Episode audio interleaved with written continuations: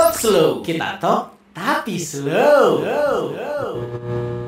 Banyak berita yang beredar selama COVID-19, selama pandemi COVID-19 ini, eh, kota Cirebon mengalami kelangkaan darah. Dan untuk ngebahas tentang ini, bersama Pak Mandika sekarang kita akan ngobrol, eh, ada Bapak Hidayat dan Ibu Niken dari Unit Donor Darah PMI Kota Cirebon. Selamat datang di Talk Slow, apa kabar Ibu dan Bapak? Alhamdulillah sehat selamat datang. Waduh, beritanya banyak nih tentang kelangkaan darah di kota Cirebon. Mungkin bisa dikonfirmasi apakah benar adanya selama COVID-19 ini Cirebon mengalami kelangkaan untuk stok darah. Yang pertama mungkin saya yang Hmm. menjawab ya. Ya di saat pandemi corona ini Mhm. kita benar-benar menghadapi sikon-sikon yang sangat-sangat kritis dalam hal pengadaan stok darah. Sampai kritis. Sampai kritis, sampai kritis. Kita eh, bahwa stok seharusnya itu mampu untuk bertahan sampai empat hari ya. Mhm. Kisaran antara 300-400 labu untuk Hmm. daya tahan cari aman kita buat eh, buffer stok di unit darah kita. Hmm. Tapi selama ini mungkin di kisaran 50 sampai 100 kantong. Oh. Kita nggak bisa buffer sampai eh stok yang seharusnya. hari itu. Iya, Hmm. kita nggak bisa nahanan sampai seperti itu. Oke, dan berarti hitungan matematisnya udah ada tuh sebetulnya untuk stok itu minimal tersedia sampai empat hari ke depan. Iya. Oh. 400 kantong kurang lebihnya. 400 kantong Iya. kurang lebihnya. Oke. Iya. Nah, untuk selama ini berarti permintaan terpenuhi nggak? Atau sempat mengalami kekurangan yang benar-benar kurang banget? Eh, untuk menyiasat, menyiasati keadaan ini, kita selama ini sih hampir hampir hampir 90 100% aman sih untuk permintaan pasien. Oke. Dengan sikon-sikon yang sebenarnya nggak memungkinkan untuk eh, welcome untuk pemberian darah. Tapi dengan kontribusi dari keluarga pasien sendiri, Mhm. dengan kebijakan kita untuk silakan untuk mendonor penggantinya Hmm.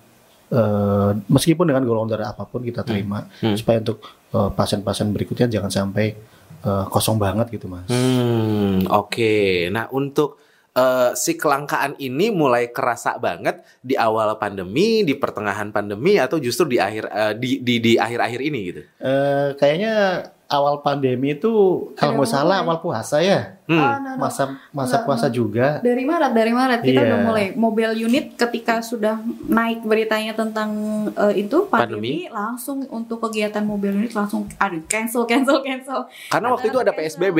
Iya, iya. Iya, Karena iya. ada PSBB. Karena memang eh, dengan eh, stok 300 memenuhi 300 itu Hmm. itu didapat dari kegiatan mobil unit. Hmm. Banyaknya dari kegiatan mobil unit. Hmm. Hampir setiap hari kita ada kegiatan mobil unit di luar Hmm. itu bisa sampai lima tempat dan Hmm. itu bisa eh, sekali kegiatan bisa nyampe Hmm. 500 700 kita juga bisa dapat gitu. Mobile unit itu apa sih sebetulnya? Kegiatan di luar, kegiatan. Jadi eh, kita diundang Hmm. eh, baik itu instansi ataupun eh, Swasta? swasta dan juga pendidikan. Hmm. Kita diundang untuk mengadakan donor darah di sana, Hmm. kita melaksanakan kegiatan donor darah di sana. Hmm, dan itu biasanya ketika sebelum pandemi mobile unit datang ke sebuah tempat responnya cukup bagus tuh dari warga kota Sangat, sangat Cirebon. antusias banget, sangat antusias mas. Oke, tapi Bisa setelah pandemi waktu- sama sekali nggak bisa mobile, Terbatas. terbatas. Terbatas. Hmm. Ada yang sudah eh, mau untuk mengadakan, Mm-mm. tapi dengan protokol kesehatan yang maksimal. Hmm. dan ada yang belum sama sekali tersentuh selama pandemi. Contohnya dari uh, wilayah dinas pendidikan ya, Hmm. sekolah, kampus kan kita belum Oh sama sekali iya, tersentuh. mereka sedang belajar di rumah gitu ya. Iya, iya. Dan dari instansi juga ada beberapa yang sama sekali belum mau untuk Hmm. mengadakan. Hmm. Ya. Nah untuk biasanya kalau di masa-masa normal dalam tanda kutip sekali eh, datang ke suatu tempat, misalnya jatuhlah sekolah gitu ya, Iya. akan dapat berapa banyak biasanya stok darah yang bisa dibuat? Kalau untuk satu tempat di pendidikan Hmm. 300 nyampe. 300 sampai. Nyampe. Berarti emang dampaknya sangat signifikan ya Iya, Sangat. itu salah satu lumbung kita, Mas. pendidikan ya. Lumbung kita juga Oh, pendidikan. Oke, oke, oke di di kayak ke sekolah, ke kampus Iya. gitu ya. Karena memang jumlah murid dan mahasiswanya Iya, banyak Iya, ya. ribuan kan. Belum lagi yang datang langsung ke kantor kita. Iya. Oh, jadi kalau misalnya pendonor mau Iya. datang langsung ke kantor juga bisa. Bisa. 24 jam kita servis untuk pendonor dan permintaan darah. Oke, ya ya ya ya. Eh, tadi kan Mas Dika eh, menanyakan kalau untuk adakah di waktu yang benar-benar eh, stoknya itu kosong benar. Mhm. Ada beberapa jenis komponen karena darah itu kan banyak komponennya. Mhm. Di antaranya ada sel darah merah dan juga trombosit. Nah, Hmm. masing-masing komponen ini punya masa expirednya. Oh ada masa expirednya. Expirednya. Jadi untuk yang paket red cell itu sel darah merah itu 35 hari. Hmm. Kalau untuk trombosit hanya lima hari. Nah, trombosit ini kadang-kadang eh, permintaannya ada, tapi stok nggak ada. Karena eh, dengan masa expired segitu kita Hmm. juga nggak berani untuk stok banyak gitu. Oh. Karena sayang-sayang kalau harus dibuang kan Hmm. gitu dan pembuangannya pun kita juga harus makan eh, Biaya. budget ya Oh, gitu yang nggak oke. sedikit gitu kan. Jadi tidak hanya darah saja, Iya. tapi juga ada tadi yang eh, untuk stok trombosit Trombosit. segala macam itu ada sebetulnya. Ada gitu. Untuk case-nya apa aja sih? Misalnya orang yang eh, butuh darah mungkin kita udah tahu, Eh. tapi untuk yang case tadi itu biasanya kasusnya kayak gimana? Eh, untuk kasus-kasus tertentu dan sesuai dengan permintaan dokternya mas ya, Hmm, hmm. kita nggak bisa hmm, melampaui batasan kita sebagai penyedia darah. Hmm, hmm. Kasus-kasus tertentu kayak demam berdarah atau yang sering eh, malaria ataupun cuci darah. Hmm. Nanti ada spesifikasi dari permintaan darah dari tergantung dari dokter yang merawatnya. Hmm. Kita cuman ada advice dari dokter Hmm. menyediakan eh, contoh darah yang kita siapkan nanti kita siapkan. Oh. Dan oke. uniknya, uniknya gini Mas Dika, kita juga nggak bisa prediksi nih dapat dapatnya eh, golongan apa yang banyak kita juga nggak Iya, prediksi nggak iya. bisa prediksi ataupun sebaliknya golongan darah apa yang banyak lagi banyak dibutuhkan nih gitu kita juga nggak bi- bisa prediksi pokoknya Iya ya. mau nggak mau kita harus sediain gitu orang kan nggak Eh. Mau nggak mau harus sediain itu gitu Paling kita menyesuaikan sama musim ya. Hmm, Hmm. hmm, Musim hmm. Mungkin yang bisa pancaroba. diprediksi ya, itu kayak gitu ya. itu cuma berdarah Hmm, mungkin hmm, hmm. sama-sama Hmm. rutinitas untuk eh, rumah sakit rumah, rumah sakit rumah sakit tertentu yang Hmm. mengadakan eh, cuci darah Hmm. seperti itu yang kita sama talasemi yang kita selalu ready stock buat menghadapi eh, kasus seperti itu. Oh oke. Nah untuk si darah ada masa ininya nggak sih? Expired kalau darah? Itu ada. Ada juga ya? Ya trombosit. Eh, jadi gambarannya gini, Hmm. maaf dipotong. Jadi gambarannya gini Mas Dika, ketika Mas Dika donor, Hmm. Darah kan diambil itu sebanyak 350 ml.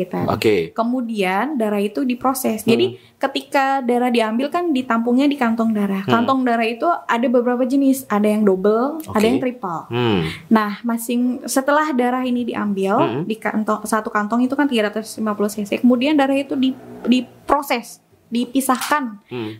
Eh, per komponen gitu. Contohnya ada sel darah merah dan juga trombosit. Hmm. Jadi ketika Mas Dika donor eh, tiga kantong ini eh, setelah darah Mas Dika diproses Proses? Artinya ada tiga komponen nih. Artinya tiga komponen ini bisa memenuhi tiga permintaan pasien. Oh, Gitu. oke. Ya, ya, ya, ya. Jadi berbaik hatilah untuk orang-orang yang memang selalu rutin mendonorkan darahnya, gitu ya.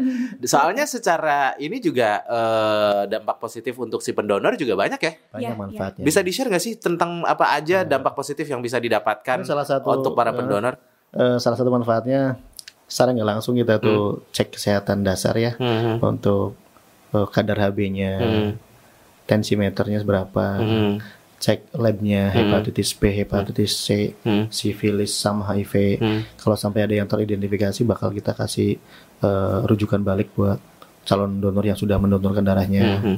Kemudian eh regenerasi sel-sel dalam tubuh kita produksi secara teratur, Hmm. terus secara kita rutin secara dua bulan atau tiga bulan sekali mendonor, secara langsung juga dalam tubuh kita menyesuaikan untuk produksi sel-sel darah merahnya. Oke. Terus untuk kesehatan jantung, Hmm. mengurangi resiko penyakit jantung. ya. Oh. Terus lebih lebih lebih berdaya guna juga kita bisa berbagi sama sama yang membutuhkan. sama yang membutuhkan Iya. gitu ya. Untuk eh, usia, Iya. orang mem- boleh mendonorkan darahnya dari usia berapa sampai usia berapa? Eh, batasan usia minimal kita di 17 tahun 17 tahun, atau yang sudah punya identitas. identitas, ya KTP lah ya. Iya, Oke. atau sampai maksimal 65 tahun. 65 tahun. Dan itu juga sesuai dengan kondisi pada saat mau mendonorkan darahnya layak nggak layak tergantung dari petugas PMI yang bakal uh, menyeleksi nanti. Oh oke, jadi ada kayak dicek dulu kesehatannya Iya, segala macam iya. prosesnya gitu ya. Berat Kalau saya juga. darah biru berarti. Berat badan jangan lupa berat badan. oh berat badan ada ada berat badan Ada. idealnya. Tidak, tidak kurang dari 45 kilo. Tidak kurang dari Iya. 45 kilo. Harus itu ya, Harus. minimal 45. Oh oke, berarti pernah ada case orang beratnya kurang dari 45 Banyak, kilo. banyak, oh oke. banyak. Dengan inisiatif yang tinggi, motivasi yang tinggi buat donor, tapi dengan batasan berat badan yang kurang dari 45 kita nggak memperkenankan buat calon donor itu Hmm. diambil darahnya. Langsung kita Hmm. tolak. Langsung ditolak saat itu juga. Oke ya. Jadi memang bukan karena eh, apa-apa tapi memang Iya. sudah prosedur yang sudah ditetapkan. Prosedur yang ada. Demi kebaikan bersama. Demi kebaikan bersama. Nah, untuk jaraknya seseorang boleh menurunkan darahnya secara periodik berapa lama dua biasanya? bulan bisa kita ambil. Dua bulan. Dua bulan. Jadi kalau misalnya bulan eh, satu saya donor darah, bulan tiga saya udah boleh donor lagi. Iya. Oke, bulan dan- 4 ya. Bulan oh bulan 4. Iya. Oh, bulan bulan satu, eh bulan tiga ya. Bulan tiga ya. Oke. Nah, untuk eh, hal apa aja yang mesti diperhatikan sebelum orang mendonorkan darahnya? Sehat secara fisik jasmani. Oke. Tadi berat badan Berat badan. minimal 45 kilo. Hmm. Eh, untuk tensimeter nanti dokter yang bakal mengeceknya. Hmm. Nanti kewenangan dokter yang Hmm. ini. Kemudian riwayat penyakit tidak boleh eh jantung, Hmm. paru, Hmm. ginjal Hmm. dan penyakit-penyakit kronis maupun akut yang lain itu tidak diperkenankan. Hmm. Vaksinasi dalam proses vaksinasi Hmm. kayak sekarang eh musim haji, Oh, oke. meningitis itu nggak boleh Hmm. 6 sampai 1 tahun. Hmm. Kayak vaksin nanti mungkin vaksin coronavirus kayaknya Hmm. mungkin Hmm. kalau aturan jelas Hmm. nanti kita eh, share juga nanti Mas.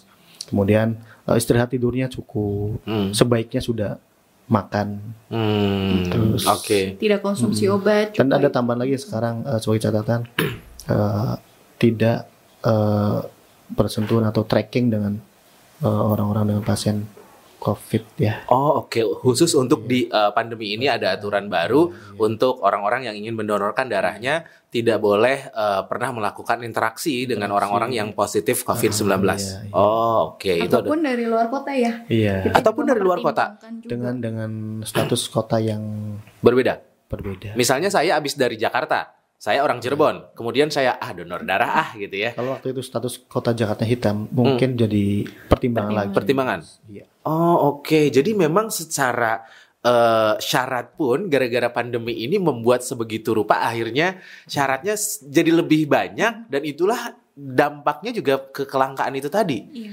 Oh oke, ya ya ya ya. Nah biasanya untuk stok darah disebut eh, langka dan aman, patokannya apa? Tadi untuk aman Mm. kita buffer stok sampai kurang lebihnya 400 kantong masa Hmm. untuk mm, seenggaknya 4 hari ke depan itu Hmm. amannya. Hmm. Sampai langkanya saat sekarang juga kita udah bilang langka. Sekarang emang udah langka udah langka banget. Hmm. 50 sampai 100 juga katanya kurang gitu Hmm, tuh untuk hmm. daya tahan sampai beberapa hari ke depan kita nggak bisa buffer gitu Hmm, mas. Eh, makanya monggo antusiasme dari elemen masyarakat buat eh, mendonorkan darahnya Hmm. kita Tunggu. apresiasi kita tunggu kedatangannya. Hmm, Nah, untuk hal-hal yang sudah dilakukan untuk mengakali lah, boleh dibilang mengantisipasi segala macam melawan kelangkaan darah ini gitu ya. Apa aja sih yang udah dilakukan oleh eh, unit eh, dari PMI Kota Cirebon? Ya, sebelum pandemi kita pelayanan sampai jam 9 malam untuk Hmm. donor darah ya. Oke. Tapi untuk permintaan darah tetap 24 jam. Hmm. Selama masa pandemi dan kelangkaan darah kita Hmm. buka sampai 24 jam. Oh. Dan kita memberikan servis lebih yang datang langsung ke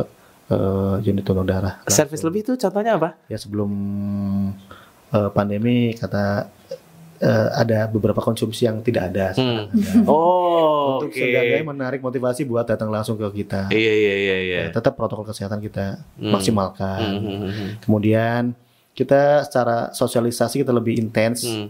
Contohnya di sini ya. Iya iya iya iya. Ketemu iya. Mas Dika nih. Iya. Sosialisasi lebih lebih, lebih ditekankan lagi. Hmm. Kemarin juga sama teman-teman media juga sempat tuh Ya, gitu. masih ya. supportnya dan donornya nih buat teman-teman media dari Wow. Kota Cirebon dan sekitarnya. Wow, apresiasi buat teman-teman media ya. Langsung didistribusikan loh. Langsung didistribusikan. Wow, oke. itu Hmm, hmm, hmm. Nah, eh, sempat baca juga untuk mengatasi kelangkaan eh, stok darah di Kota Cirebon itu ada metode yang disebut tukar darah. Iya, Tukar iya. darah itu apa sih? Donor pengganti lebih tepat. Donor pengganti. Ya, jadi gini, ket- memang kalau gambarannya stok kami ada, tetapi tidak memenuhi. Hmm. Apabila ada pasien yang membutuhkan, kita minta dengan sangat Hmm. eh, keluarga pasien untuk donor. Artinya biar kelangsungan donor, eh, maaf, kelangsungan stok, Stok kita darah. juga tetap bisa terpenuhi bagi eh, pasien yang lainnya gitu. Oh, oke. Jadi Gambarannya- misalnya istri saya Mm-mm. membutuhkan eh, darah Hmm. golongan A, kemudian saya butuh darah nih. Jadi kemudian saya diminta untuk donor. donor.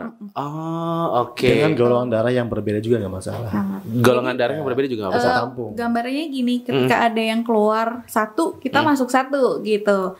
Jadi ketika masnya, eh, maaf tadi istrinya eh, butuh darah, Hmm. kita penuhi sih dari stok kami. Hmm, Tetapi eh, untuk yang masnya kenapa harus donor, Hmm. jadi itu un- untuk ngisi ngisi stok kita gitu. Apabila nanti ada eh, pasien yang lainnya butuh, Hmm. kita minta lagi gitu. Hmm. Untuk gitu. supaya kes- kesenambungan stok darah kita kesinambungan stok Iya. itu ya. Iya. Oke, dan yang menarik adalah ada informasi kalau kita bu- butuh darah itu harus beli gitu ya. Mungkin bisa dijelaskan karena kan masyarakat juga wah saya donor gratis nih gitu ya. Sementara ketika saya butuh darah, saya harus beli, harus bayar gitu ya. Itu bisa dijelaskan ke masyarakat supaya lebih tahu nih sebetulnya apa yang terjadi dengan hal ini. Eh, untuk image dan mitos yang beredar di masyarakat seperti ini kan sebenarnya sesuatu yang perlu kita bantahkan ya. Hmm. Sebenarnya di dalam eh, unit donor darah PMI, PMI Kota sendiri kita nggak ada bahasa eh, jual dan beli, Beli. eh, darah Hmm. karena semua itu sebagai biaya itu semuanya di eh, ini dibebankan ke dalam proses pengolahan darah itu. Hmm. Jadi biaya pengganti pengolahan darah namanya. Karena tahapan yang dari awal sampai eh, pasien diterima itu perlu proses dan perlu budget yang Tidak sedikit. tidak sedikit buat eh, pasien ya. Hmm. Dan mudah-mudahan dengan kepesertaan pasien dalam eh, jaminan kesehatan nasional BPJS dan lainnya, Hmm. ini semua bisa di cover sama eh, BPJS BPJS. ataupun provider yang lainnya gitu mas. Oke, dan biaya tadi yang ditekankan adalah biaya, biaya pengganti. Emang kalau misalnya eh, darah yang diambil dari pendonor gitu ya, prosesnya sebegitu rupa sehingga membutuhkan biaya yang banyak. Iya. Iya. Termasuk untuk pemeliharaan eh, mesin karena Hmm. memang kan semua kita menggunakan mesin. Hmm. Jadi eh, biaya pengganti pengolahan juga termasuk untuk perawatan mesin, Hmm. kemudian listrik, Hmm.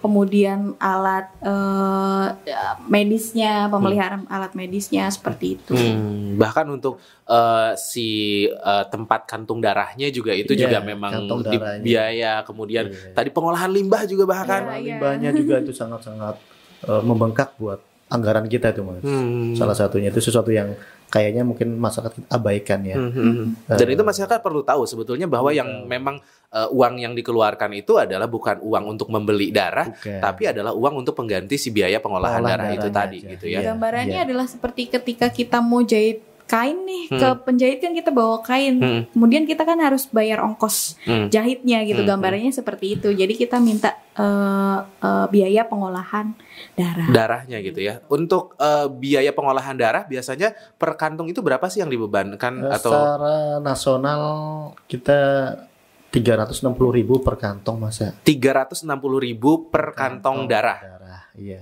Oke. Untuk mengganti biaya proses pengolahannya. Mm-mm. Dan eh, untuk yang memang tadi kayak misalnya ikut ke Pesertaan kepesertaan BPJS kesehatan itu biasanya free. free untuk wilayah kota Cirebon ya. Hmm, untuk wilayah kota Untuk Cirebon. wilayah di luar kota Cirebon Hmm. mungkin perlu tindak lanjut ke depannya. Mm-mm. Barangkali mungkin sama seperti pasien-pasien yang ada di dalam kota Cirebon Hmm.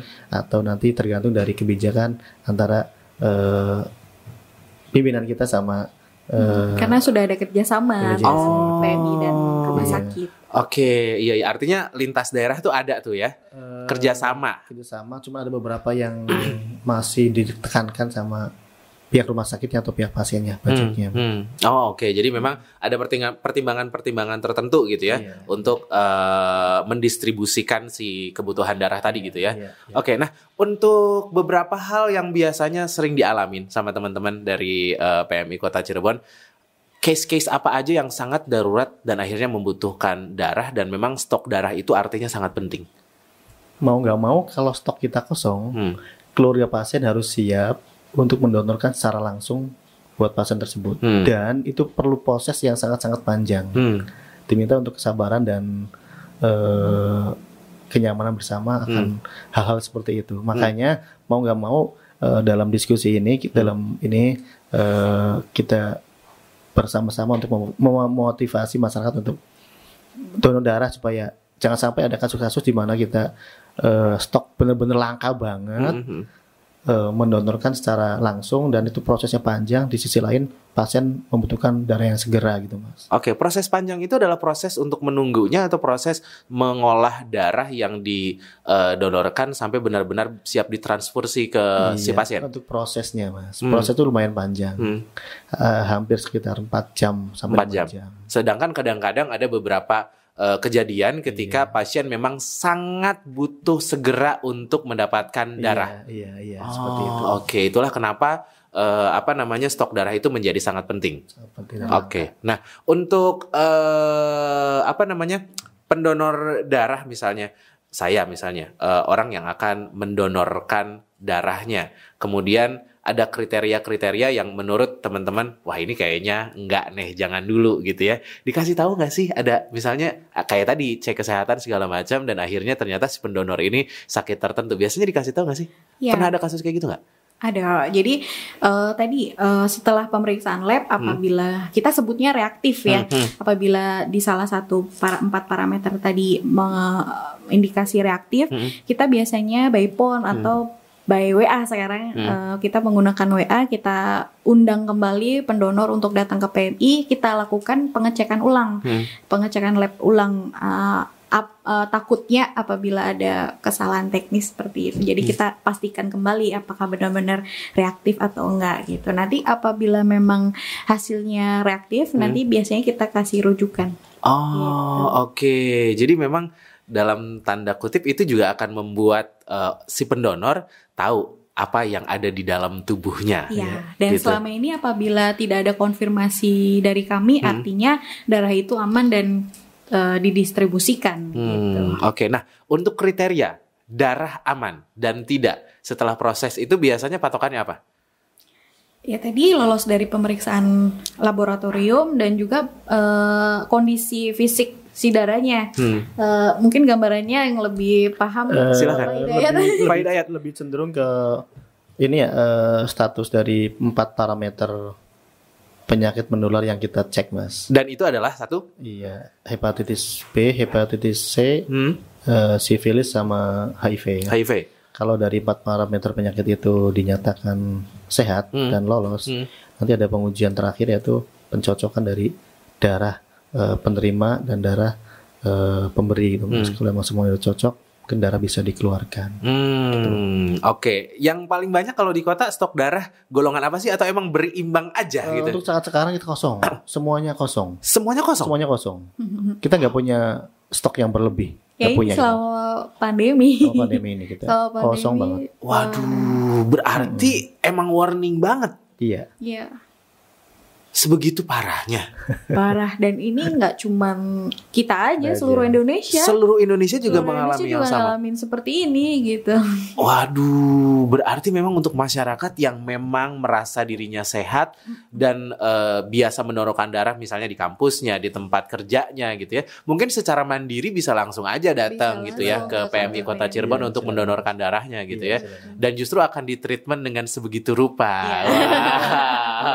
Jangan takut ya. Kita juga menggunakan protokol kesehatan yang berlaku. Nah, Gitu. itu biasanya orang-orang juga menjadi ragu. Waduh, jangan-jangan jangan. Tapi tetap protokol kesehatan Tetap akan dijaga. dijaga gitu ya. Oke. Nah, terus kalau misalnya kosong banget gimana tuh? Mau nggak mau, Mau. keluarga pasien ya harus donor dan secara langsung dikasihin buat pasien yang membutuhkan. Mas. Ya itu prosesnya proses jauh lebih lama. lebih lama. Ketika darah itu ada, stok Hmm. kita ada, itu prosesnya proses pencocokan eh, darah pasien dan pendonor itu hanya makan waktu kurang lebih 30 menit atau satu jam. Hmm. Sedangkan kalau benar-benar kosong, Hmm. ya artinya harus melalui proses dari awal Hmm. pemeriksaan, pengambilan, pemisahan komponen, pemeriksaan lab, Hmm. pencocokan itu memakan waktu lebih lama antara 4 jam sampai 5 jam. Oke. Dan selama ini alhamdulillah kasus seperti itu masih nol. Masih nol. Masih nol. Alhamdulillahnya masih, masih nol. mengcover dengan eh, kita menyiasati keadaannya sekarang gimana harus ada kebijakan untuk donor pengganti Hmm. meskipun tidak sebanyak yang diminta sama pasiennya atau meskipun berbeda golongan darah sama pasiennya kita kita masih eh, menerima Hmm. tapi ya pasien juga harus menerima kebijakan dari kita seperti ini Oke oke karena oke. sikon mungkin eh, eh, kalau sebelum pandemi kita sih welcome aja untuk berapapun kantong Hmm. darah yang diminta pasien gitu Oke, ini yang menarik ya. Jadi kalau misalnya emang eh, nol banget si keluarga pasien harus mendonorkan darah dan itu juga butuh kecocokan gitu ya. Nah, ada dikenakan biaya lagi nggak sih biasanya kalau kayak gitu? tetap Tetap ada. meskipun darah dari pasien itu sebagai penggantinya masuk Hmm. tetap proses eh, biaya pengganti pengolahan darah masih tetap ada karena Nominalnya tetap sama. tetap Sama. sama, Nominalnya tetap sama. karena punten ya maaf maaf sebelumnya Hmm. karena darah kan nggak secara langsung kita eh, ambil terus langsung dikasihin Hmm. tahapannya banyak gitu Hmm. dan itu eh, bia- perlu biaya dan budget yang tidak sedikit Oke, ini yang seru nih. Eh, masyarakat hanya saya lah secara pers- pribadi gitu ya, hanya tahu bahwa ketika golongan darah A mencari eh, stok darah yang memang juga golongan darah A. Sementara di balik itu semua seharusnya memang ada proses pencocokan juga. Biasanya apa yang nggak cocok? Misalnya sesama golongan darah A.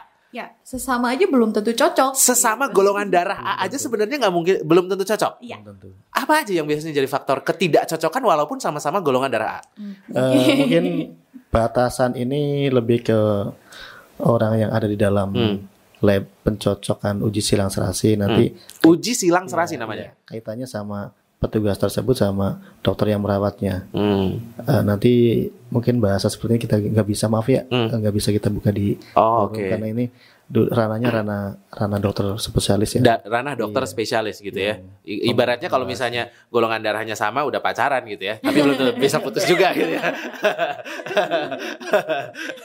Dan mungkin sedikit kasusnya untuk eh, hal-hal seperti itu sedikit kasusnya mas. Sedikit. Oh, tapi kasusnya memang sedikit gitu ya. Sedikit. Oh, oke. Jadi memang ada beberapa case yang Iya. perlu dicocokkan gitu ya si eh, darahnya gitu. Dan eh, yang juga menjadi pembicaraan dan perhatian eh, masyarakat akhir-akhir ini adalah eh, pandemi COVID-19 gitu ya yang berlarut-larut dan sampai sekarang gitu ya dan kemudian juga sempat beberapa berita yang beredar bahwa eh, COVID-19 bisa dibantu disembuhkan dengan plasma darah. Mungkin bisa dijelaskan apa sih yang dimaksud dengan plasma darah dan eh, di kota Cirebon sendiri kayak gimana?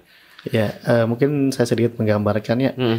Kalau di PMI Kota Cirebon sendiri sebagai gambaran kita tidak mempunyai alat yang bisa memadai buat pengambilan darah eh, buat pengobatan atau buat terapi COVID-19 Hmm. karena alat tersebut mempunyai karakteristik dan budget yang tidak sedikit. Tidak sedikit. Soalnya kita nggak seperti donor biasa Hmm. langsung diambil langsung masukin ke kantong. Oke. Ini seperti eh, darah diambil dari tubuh kita langsung masuk ke alat. Hmm. Alat. Nanti yang memproses itu alat darah sel darah merah dimasukin ke tubuh kita lagi. Hmm. Terus eh, plasmanya kita ambil buat terapi COVID. Oke, jadi para Iya. penyintas atau orang-orang yang memang sembuh dari COVID-19 kemudian diambil sampel darahnya, diambil plasma darahnya kemudian digunakan untuk terapi Iya. si eh, pasien gitu ya. Cuman di kita belum ada kasus seperti itu karena kita belum bisa melayani eh, kasus ini. Oke, di, di kita maksudnya adalah di Kota Cirebon. Di kota Cirebon. Di kota Cirebon. punya. Oke, berarti harapannya bisa. Mudah-mudahan dengan eh, peningkatan sarana dan peningkatan kualitas yang bakal kita eh, hadapi tahun-tahun ke depan kita bisa melayani kebutuhan itu. Oh, berarti memang ada target ya tahun-tahun ke depan Harus- harus PMI punya- Kota harus punya Cirebon. target, harus punya target. Target salah yang paling berat apa sih? Paling enggak Ganti suasana pelayanan- dengan gedung pelayanan- baru. Oh, optimalisasi pelayanan dengan gedung yang baru dan itu mudah-mudahan bisa terjadi tahun depan. Mudah-mudahan itu. Oh, Mudah-mudahan. Oke, nah untuk gedung lama berarti kantornya di Nah, susah nih jawabnya. Kenapa susah? Tinggal dijelaskan saja. Jadi untuk kami kita belum punya gedung sendiri gitu. PMI Kota Cirebon belum Belum. punya gedung sendiri. Belum. barangkali Mas Dika mau nyumbangin tanah. Oh, terima kasih banyak. Ini perlu ditekankan. PMI Kota Cirebon belum punya gedung sendiri. Belum punya. Catatannya sampai sekarang 2020. Saya baru tahu. Jadi gedung yang sekarang ditempati adalah Hak pakai ya kalau nggak Iya, salah. hak- hak pakai, Hak guna pakai. hak guna pakai. Yang baru pun nanti juga eh, itu kita sewa ya untuk ini 2020 yang Ah, nanti maaf mudah-mudahan eh, hak pakai juga. hak gitu. pakai juga. Oh, oke. 2021 nih gitu ya. Mudah-mudahan nih tahun depan. Realisasi mudah-mudahan. Amin, amin, amin, amin, amin, amin, amin. Dan itu membuat teman-teman sangat bersemangat sekali di PMI Kota Cirebon gitu ya menyambut tahun 2021. Amin Amin. lah ya, semangat. Aduh, baru tahu ternyata ya. Oke. Nah, untuk si pelayanan itu kan ada juga perubahan berarti selama pandemi Covid-19 di eh, PMI Kota Cirebon yang tadinya cuma sampai jam 9 malam, sekarang sampai 24 jam. Kita melayani permintaan darah dan donor darah. hmm, Dan emang kita ngasih eh, spare waktu buat eh, menghindari kerumunan dan eh, menghindari eh, apa sih namanya Hmm, kontak fisik Berkumpul, dengan kontak. orang-orang yang ada Hmm. yang bakal antri ataupun eh, santai kan kita ngasih spare waktu yang terlalu lama gitu. Oke, jadi untuk menghindari kerumunan akhirnya waktunya yang diperpanjang. Iya, iya. Yang tadinya sampai jam 9 malam sekarang 24 jam. kita udah. Oke. Nah, eh, dulu habitnya sebelum pandemi berarti jam-jam jam-jam ramainya jam berapa sih biasanya kalau sebelum pandemi? Jam kerja lumayan tinggi Mm. dan menjelang menjelang sore hari itu cukup tinggi juga. Ya, setelah maghrib udah mulai menurun sampai Mm. habisnya udah mulai menurun. Hmm, oke. Biasa jam-jam pulang kantor itu cukup Iya, ramai lah ya. Oke. Nah, sekarang selama pandemi ini di jam biasanya jam ramainya jam berapa? Tradisi lama masih tetap ada. Ah, oke. Sisanya mungkin agak-agak malam atau menjelang pagi, menjelang pagi. Menjelang pagi. sarapan pagi. Jam 7 jam setengah jam 7 jam udah- 8. Udah, mulai udah mulai ada satu dua, udah mulai Oh, oke. jam kerja udah mulai banyak lagi. Hmm, tapi kalau melihat antusiasme masyarakat untuk melakukan donor darah dengan langsung datang ke kantor PMI, berarti Kota Cirebon masyarakatnya termasuk yang Masih cukup peduli. peduli, Peduli, untuk masih bisa peduli. mendonorkan Iya, darahnya. masih peduli. Mungkin ada juga yang sampai kenal dan akrab sama pendonor karena saking seringnya. banyak. Banyak. Oh, oke. Uniknya eh, unit donor darah kita itu biasanya ada spesialis-spesialis. Artinya ada beberapa treatment, Hmm. ada beberapa pendonor yang hmm, pembuluh darahnya misalnya kecil, terus susah dicari. Hmm. Nah, biasanya ada pawangnya. Harus nanti. ini. Oh gitu. Yang seniornya nanti lebih Iya, iya, lebih iya, paham memahaminya. Wow, aku baru tahu ada hal-hal kayak gitu ternyata. Sebenarnya ya. itu eh, subjektif dari kita sendiri kok. Hmm, hmm, hmm. Subjektif dari kita sendiri karena Hmm. emang eh, rasa nyaman orang kan Iya, masing-masing iya, sama iya, iya. sama seseorang yang dilayaninya. gitu. Hmm, oke. Nah, Seperti itu. Berarti kalau misalnya sempat-sempat ngobrol nih sama eh, teman-teman pendonor darah gitu ya, apa sih yang membuat alasan akhirnya mereka sadar bahwa oke saya memang harus mendonorkan darah biasanya alasan-alasan personal yang biasanya membuat mereka sebegitu pedulinya. secara pribadi pengen sehat ya, Hmm, pengen hmm, sehat. hmm. Keduanya pengen berbagi sama yang lain. Kesadaran untuk berbagi. Iya, kesadaran berbagi berbaginya tinggi. Hmm, Pengen sehat juga. hmm, oke gitu ya. Terus sekarang saya udah donor darah melakukan gaya hidup.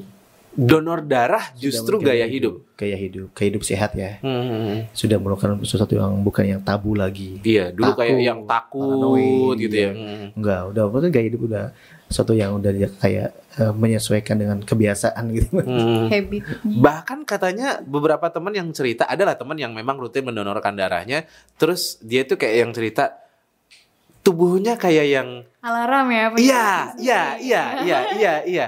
Jadi itu sugesti atau memang sebenarnya sugesti Sugesti ya? aja sebenarnya sih, Mas. hmm, Cuman kan kan sesuatu sugesti yang positif ya. positif ya? Kita juga menerima dengan keadaan yang eh, Tangan terbuka gitu ya, silahkan datang gitu ya. Kita tunggu malah. Ah. Tapi bukan mengharapkan iming-iming bingkisan yang dibawa pulang ya.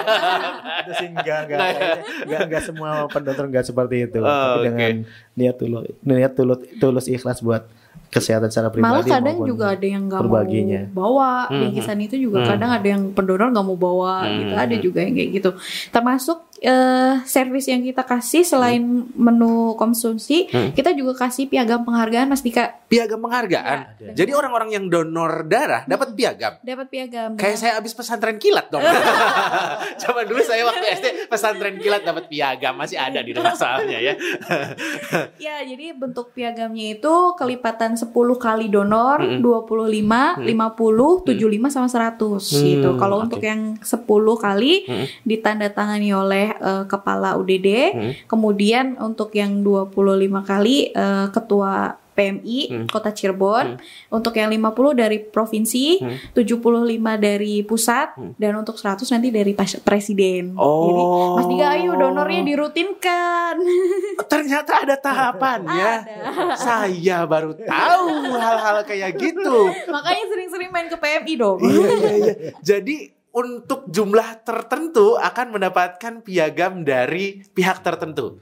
Dan ada juga pendonor yang eh, dia nggak mau nih, nggak mau nerima piagam. Piagamnya Itu juga nggak tahu, eh, nggak mau karena memang dia motivasinya untuk berbagi. bukan untuk sesuatu yang difoto kemudian oh saya nih punya piagam ini gitu ya nggak gitu Itu ya Kembali ke masing-masing. kembali lagi ke mas- masing-masing eh, ini ya nah untuk alat-alat tapi dijamin keamanan seperti jarum dan sebagainya Iya.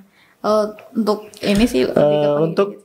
keamanan kenyamanan alat-alat yang kita pakai Hmm. kita menerapkan prosedur yang kita terapkan Hmm. secara eh, secara umum yang diterapkan sama pe- peraturan organisasi pusat Hmm. setidaknya kita sekali pakai Hmm. nggak bakalan kita berulang-ulang buat orang yang berbeda Hmm, hmm. enggak Oke, jadi memang dijamin keamanannya, dijamin. dijamin keamanannya untuk pendonor, jadi nggak usah takut gitu nggak ya. usah takut Oke, boleh nggak sih nanya personel ke bapak-bapak dan ibu-ibu yang Nah, duduk silakan, di sini? silakan. Udah berapa Saya- lama gak rel- nanti dulu jangan bapak-bapak ibu kan kayaknya aduh gitu. Mas dan muda. Mas dan Teteh ya. Udah berapa lama jadi relawan PMI? saya masuk 2010 10 tahun 2010, kurang lebih 10 tahun. Kalau Kaniken saya baru 2016 2016, kurang lebih 4 tahun. Ya. Apa yang akhirnya membuat ter- terpanggil menjadi relawan PMI? Wah enggak yang lama dulu yang lama dulu. dulu ya mungkin kita bisa sedikit berbagi dengan keilmuan kita Hmm. dengan kapasitas kita bisa memfasilitasi Hmm. permintaan darah Hmm. Oke. dengan apa yang kita punya bisa bermanfaat bagi yang lain. Itu salah satu motivasinya. Kalau Kaniken gimana? Jadi eh, dari zaman sekolah kan kita udah mengenal tuh PMR kayak gitu. Hmm. Jadi se- selama mulai dari kuliah mulai tuh tingkatannya KSR Hmm, itu re- re- eh, tingkatan relawan-relawan. Kemudian eh, waktu saya kuliah Hmm. saya sengaja nih magangnya di PMI waktu Oh. itu di PMI Kota Semarang. Hmm. Saya coba buat mengenal untuk eh, unit donor darah tuh kayak gimana sih? Oh ternyata seru juga gitu. Hmm. Sampai akhirnya iseng-iseng ceritanya saya iseng-iseng untuk ngelamar di PMI Kota Cirebon. Hmm. Akhirnya diterima. Dari situ saya belajar wah keren banget sih kalau saya bilang PMI itu luar biasa unit donor darah luar biasa. Setelah gitu rasanya kalau udah kenal tuh gimana ya? Hmm. Jadi kayak ada rasa Bangga, mm, bangga dan kepuasan tersendiri. kepuasan tersendiri betul. Jadi ketika seperti ini misalnya ada keluarga pasien yang membutuhkan darah, ah, maaf pada pasien yang membutuhkan darah tetapi stoknya nggak ada, saya ngerasa bersalah loh Mas Dika. Seriusan? Serius. Sampai sebegitu bapernya. Ya, jadi eh, sedikit cerita saya di PMI tugasnya adalah eh, pencari dan pelestarian donor darah sukarela. Jadi tugas saya adalah mencari, merekrut, yuk, yuk, yuk. Eh, dengan kata lain marketing gitu ya. Artinya saya kunci utama nih biar stok itu aman. Hmm. Saya harus bisa memenuhi stok itu aman gitu. Caranya gimana? Eh kita unit donor darah PMI Kota Cirebon itu tidak hanya melayani rumah sakit di kota saja, tetapi juga sewilayah tiga, bahkan sampai Tegal dan Brebes juga minta ke kami gitu. Bayangkan Mas Dika ketika eh, ada pasien di rumah sakit Gunung Jati itu kan melayani sewilayah tiga juga ya. Di masa pandemi ini kan eh, untuk keluarga pasien hanya diperbolehkan eh, dua orang untuk Mendampingi. Iya, mendampingi pasien. Nah, ketika pasien itu membutuhkan darah, keluarga pasien datang ke PMI mit- eh, butuh darah nih. Misalnya satu pasien kan tidak hanya butuh satu kantong, Hmm. bisa sampai 5, bisa sampai 12 gitu.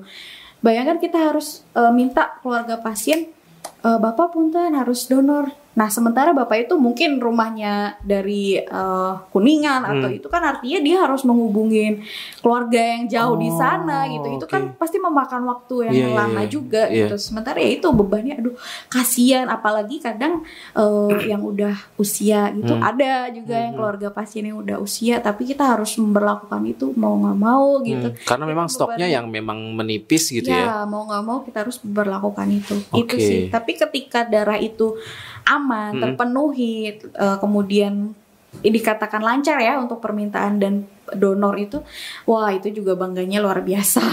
Tapi. Kaniken ini kenapa bercerita itu dengan berkaca-kaca? Ya itu deh.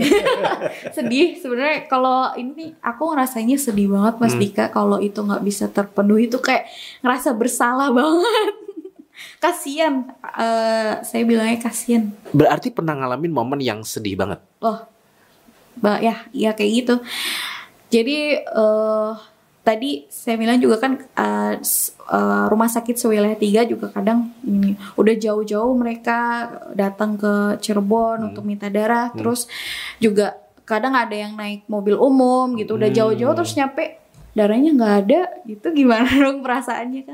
Oke, jadi kita bayangin aja gitu. kita kita memposisikan Ya. diri sebagai orang tersebut Betul. gitu ya, yang jauh-jauh untuk bisa mendapatkan sesuatu yang menurut mereka sangat berharga. Di sisi lain kita tidak bisa memenuhinya. Apalagi kalau keluarga pasien pasti mereka sudah panik dulu kan. Hmm. Wah ini butuh darah nih, darah kan vital banget Iya, gitu setuju. kan. Udah mikirnya udah macem-macem gitu. Oke.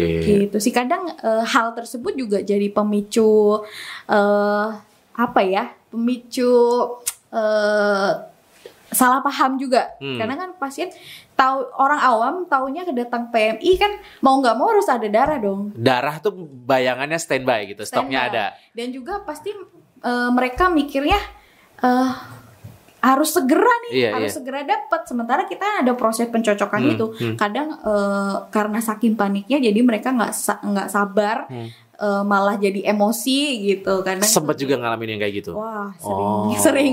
Karena memang di sisi lain mereka juga memang sangat membutuhkan gitu ya. Betul. Oke, dan itu eh, perlu perlu tahu juga bahwa memang kondisinya sekarang seperti ini gitu ya yang sedang dihadapi. Tadi ngomongin tentang melamar, berarti statusnya pegawai ya? Apa sih gimana sih? Saya nggak ngerti. Relawan aja, relawan. relawan aja. Oh, oke relawan. ya ya. Tapi keluarga support ya.